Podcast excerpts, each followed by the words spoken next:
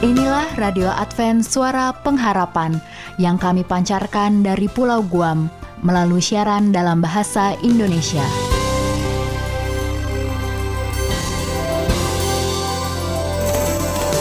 Salam sejahtera kami sampaikan kepada para pendengar kami di mana pun Anda berada.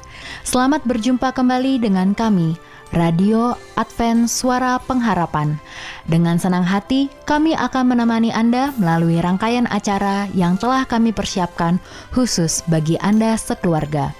Harapan kami semoga siaran ini dapat bermanfaat dan menjadi berkat bagi Anda semuanya. Selamat mengikuti dan selamat mendengarkan. Tuhan memberkati.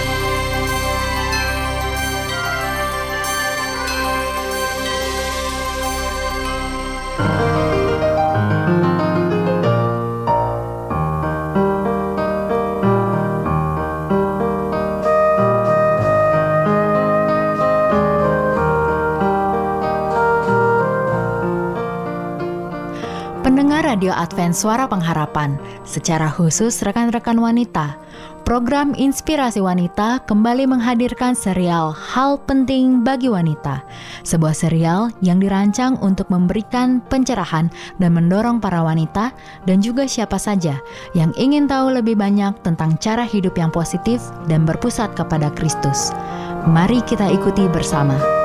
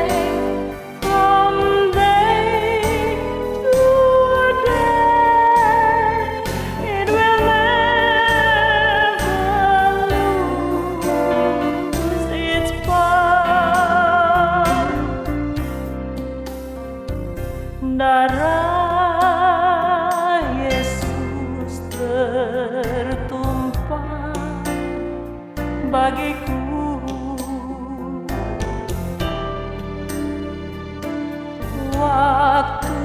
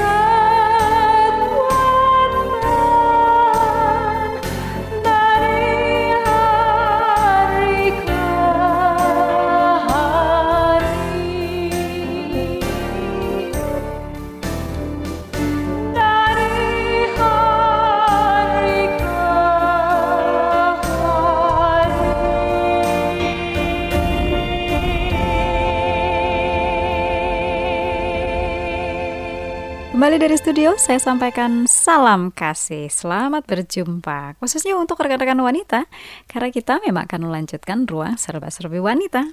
Dan kali ini masih seputar wanita ini ya.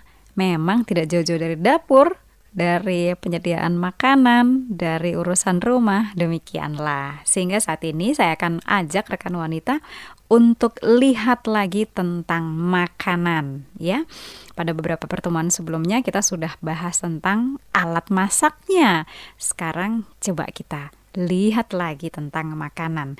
Nah, karena saat ini saya ingin mengajak semuanya untuk memperhatikan tentang keamanan makanan di rumah. Aduh, apalagi ini sih kok makanan aja mesti aman-aman. Karena memang coba ya kalau kita perhatikan berapa banyak dari kita yang masih suka beli makanan di luar. Karena banyak yang sudah mulai bekal ya kalau makanan itu karena alasannya makanan-makanan yang dijual di luaran itu belum tentu kebersihannya terjamin sehingga banyak orang yang memang mengalami keracunan makanan ya. Kalau yang dari rumah katanya lebih bersih, lebih terjamin. Oleh sebab itu tantangan nih para rekan wanita. Betul-betulkah kita menyediakan makanan itu dengan cara yang bersih, dengan cara yang aman supaya memang betul-betul nih makanan rumah kita tidak mengakibatkan sakit tapi malah terus mempertahankan dan meningkatkan kesehatan anggota rumah ya. Nah, oleh sebab itu, yang namanya food safety atau keamanan makanan ini sangat penting. Sangat penting untuk setiap orang. Paling khusus kalau di rumah kita ada atau rekan wanita sedang hamil ya. Jadi di rumah kita ada wanita yang hamil, kita punya anak-anak, bahkan mungkin di rumah tangga kita ada yang punya kasus. Maksud saya adalah kondisi kesehatan dengan pertahanan tubuh yang e, turun ya, yang kurang kuat dan juga kalau kita berurusan dengan lansia. Jadi sebetulnya pada dasarnya semuanya perlu untuk memperhatikan dan mempertahankan namanya keamanan makanan di rumah ya. Jadi rekan wanita, ini nih yang saya mau sampaikan ada empat hal yang perlu kita praktekkan langsung setelah kita tahu langsung kita praktekkan. Yang pertama adalah bersih, yang kedua adalah pisahkan ya, jadi harus dipisahkan. Kemudian yang ketiga adalah e, masak sampai matang ya. Jadi setengah-setengah matang itu memang harap dikurangi atau sebaiknya tidak dilanjutkan. Kemudian yang terakhir adalah uh, suhu, suhu makanan. Ini anjurannya adalah chill atau buat itu jadi dingin. Nah, bagaimana saja pengertiannya atau uraiannya? Mari tetap bersama dengan saya dan kita lihat satu persatu ya. Untuk hal yang berurusan atau berkaitan dengan bersih ya. Ini kita rekan wanita harus melatih diri lalu melatih anggota rumah supaya bila mau berurusan atau bersentuhan atau mau makan itu sudah hukum wajib cuci tangan. Jadi gunakan air mengalir itu yang terbaik, sabun dan air mengalir itu yang paling baik. Minimal 20 detik ya. Jadi ada di air mengalir itu digosok semua tangannya 20 detik. Jadi kalau mau masak para ibu, kadang-kadang nih suka nih habis dari pasar, habis dari belanja, langsung siapin makanan. Lupa deh nggak cuci tangan. Itu dia yang harus kita latih ya kalau kita dari luar rumah atau dari kamar mandi selalu masuk dapur cuci tangan minimal 20 detik. Kemudian keringkan dengan kain atau dengan uh, bahan pengering yang kering 20 detik juga ya. Itu hukumnya wajib ya.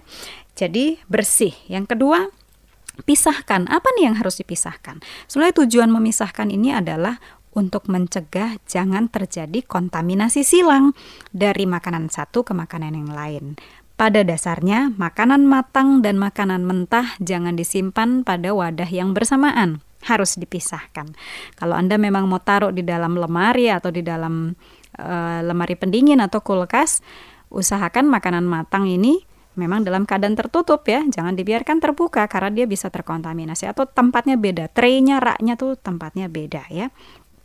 Kemudian eh, alat yang misalnya pisau yang habis kita gunakan untuk memotong makanan mentah, jangan digunakan juga untuk memotong makanan matang.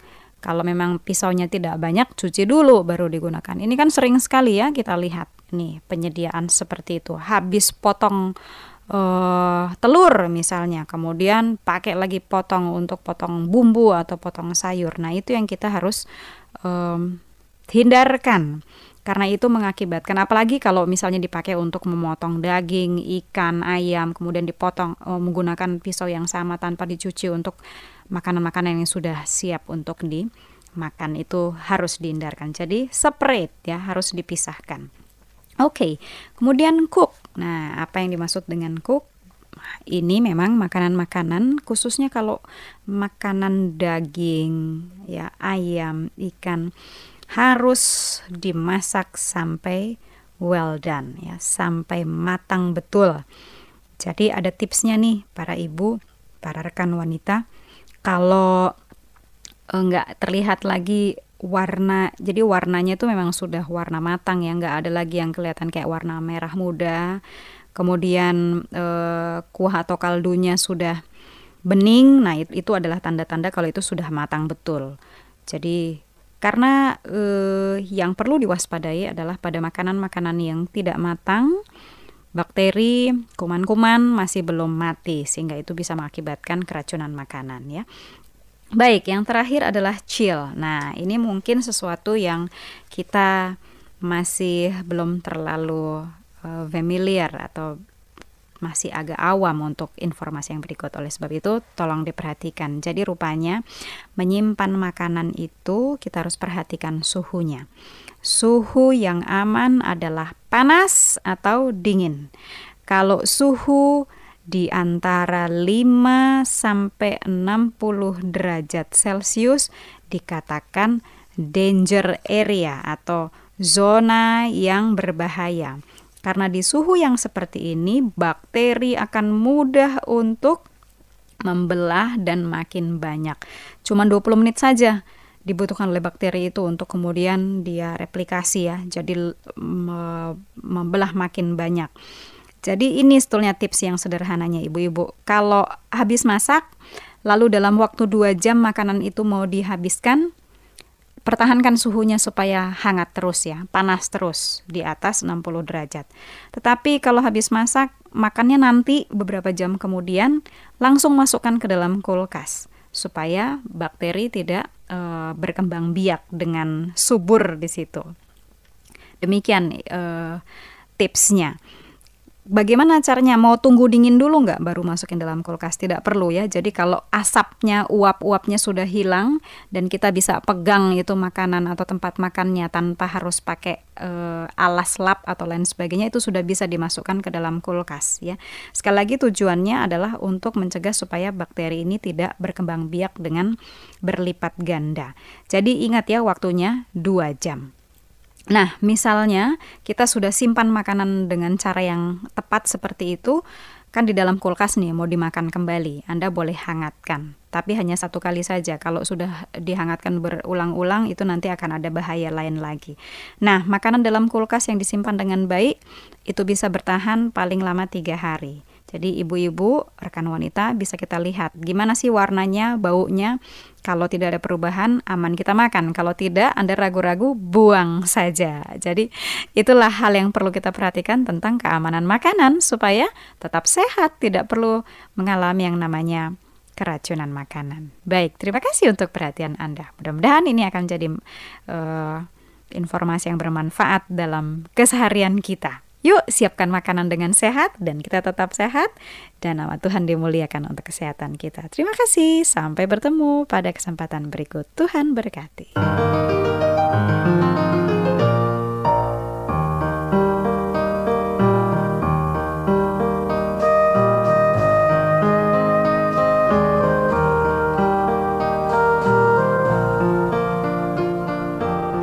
Pendengar setia, anda baru saja mengikuti program Inspirasi Wanita.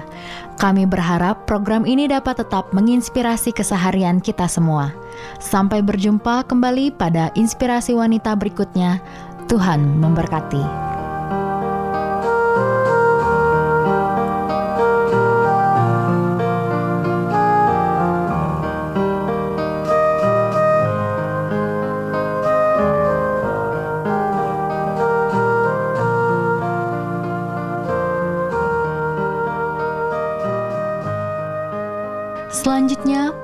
Kita mengikuti mimbar suara pengharapan.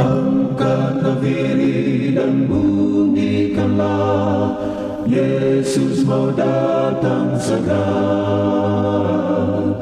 Nyanyi musafir dan pujikanlah, Yesus mau datang segera. Datang segera. Mimbar suara pengharapan dengan topik pembahasan memulihkan tenaga. Selamat mendengarkan. Samara itu tandanya Yesus mau datang segera Pengetahuan bertambah-tambah Yesus mau datang segera Datang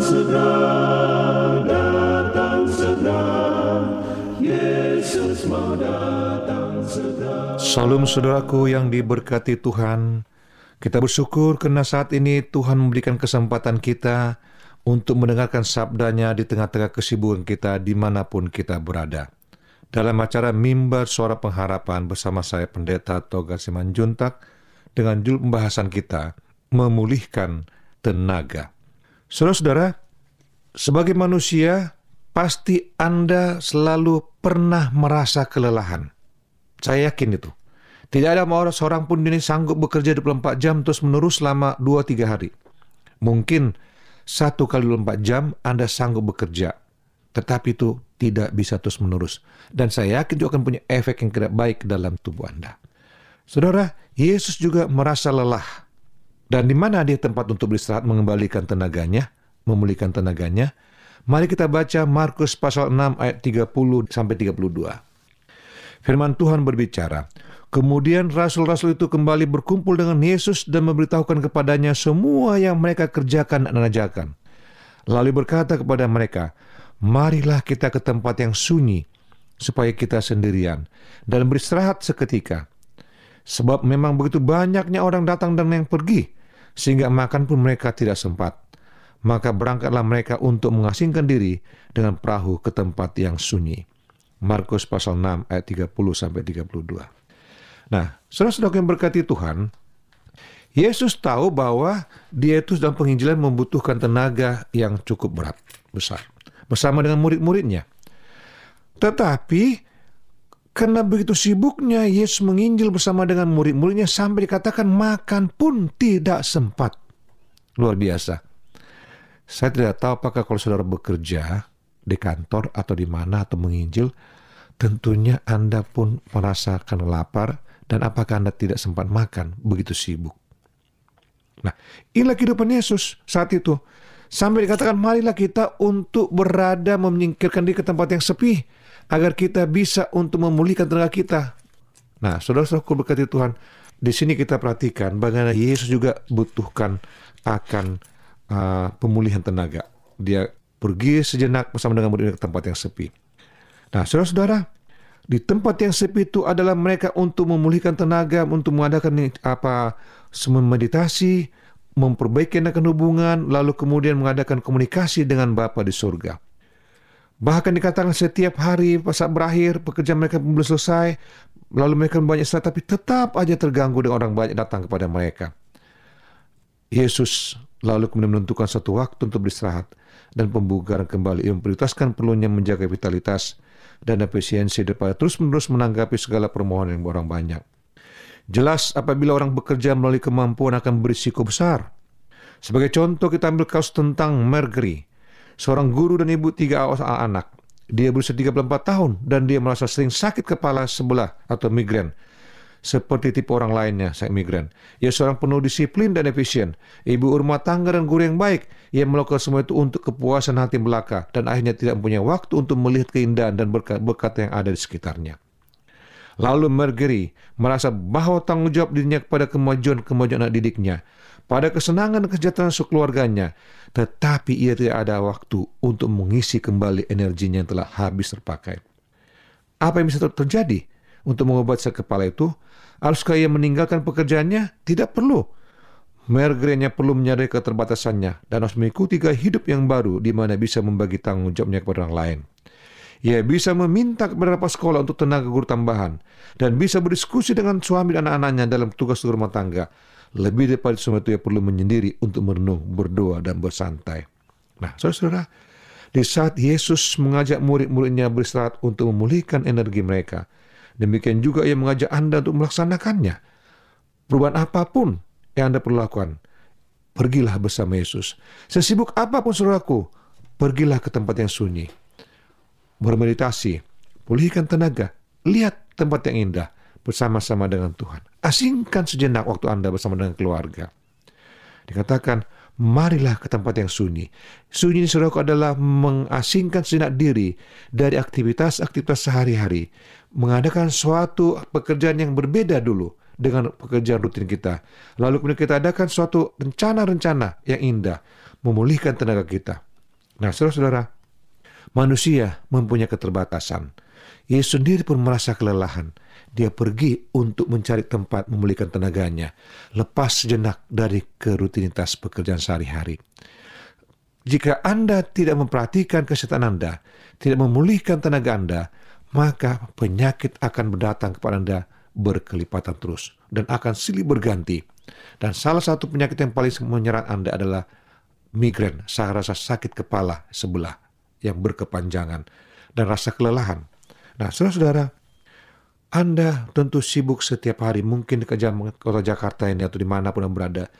Berangkat sebelum matahari terbit, pulang kantor sesudah matahari terbit, sampai di rumah Anda lelah, sehingga tidak waktu bersama dengan anak-anak. Itu sebab saudaraku, hari Sabtu dan Minggu Anda pergunakanlah untuk beristirahat, berkreasi dengan keluarga. Tidak perlu ke tempat yang mewah-mewah, saudara boleh ke alam sejenak, ataupun di halaman rumah sekalipun, bersama-sama dengan keluarga, duduk santai, makan bersama di halaman. Tidak perlu ke tempat yang mewah luar biasa mengeluarkan biaya. Dan tempat yang alam yang indah itu, Anda bisa melihat bagaimana ciptaan Tuhan ada kepada Anda.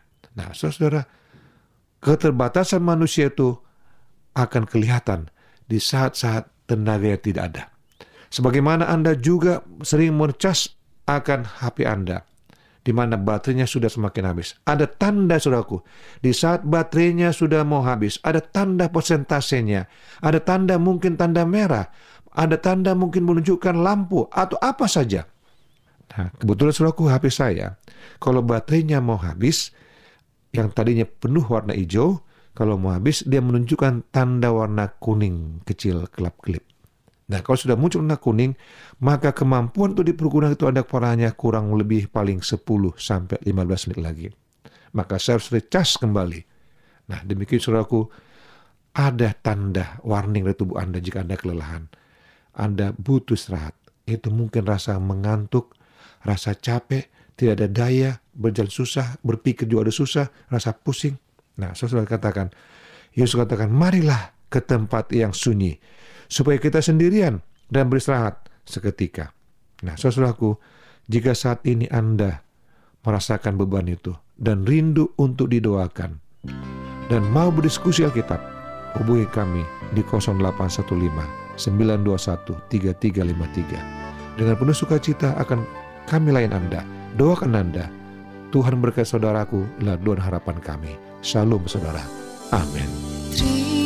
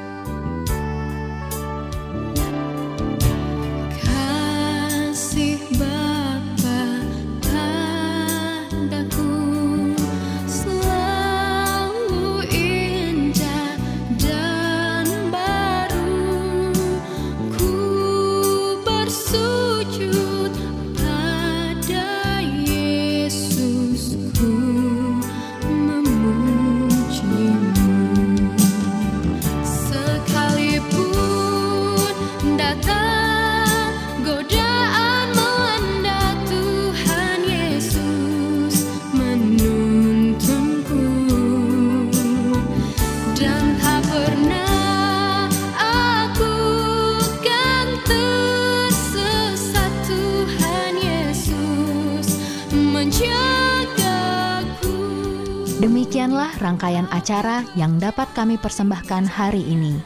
Dan apabila Anda mempunyai pertanyaan atau ingin mendapat pelajaran Alkitab penebuan baru, silahkan menghubungi kami dengan cara mengirimkan surat ke alamat Radio Advent Suara Pengharapan, PO Box 8090, Jakarta 12810, Indonesia. Telepon 0821 1061 1595. Alamat email awrindonesia@yahoo.co.id. Anda juga dapat bergabung di Facebook kami, pendengar Radio Advent Suara Pengharapan, juga Radio Advent Suara Pengharapan. Terima kasih kami ucapkan bagi Anda semua pendengar kami yang setia. Kita akan berjumpa kembali pada waktu dan gelombang yang sama esok hari. Salam kasih dan sejahtera, kiranya Tuhan memberkati kita semua. Kasih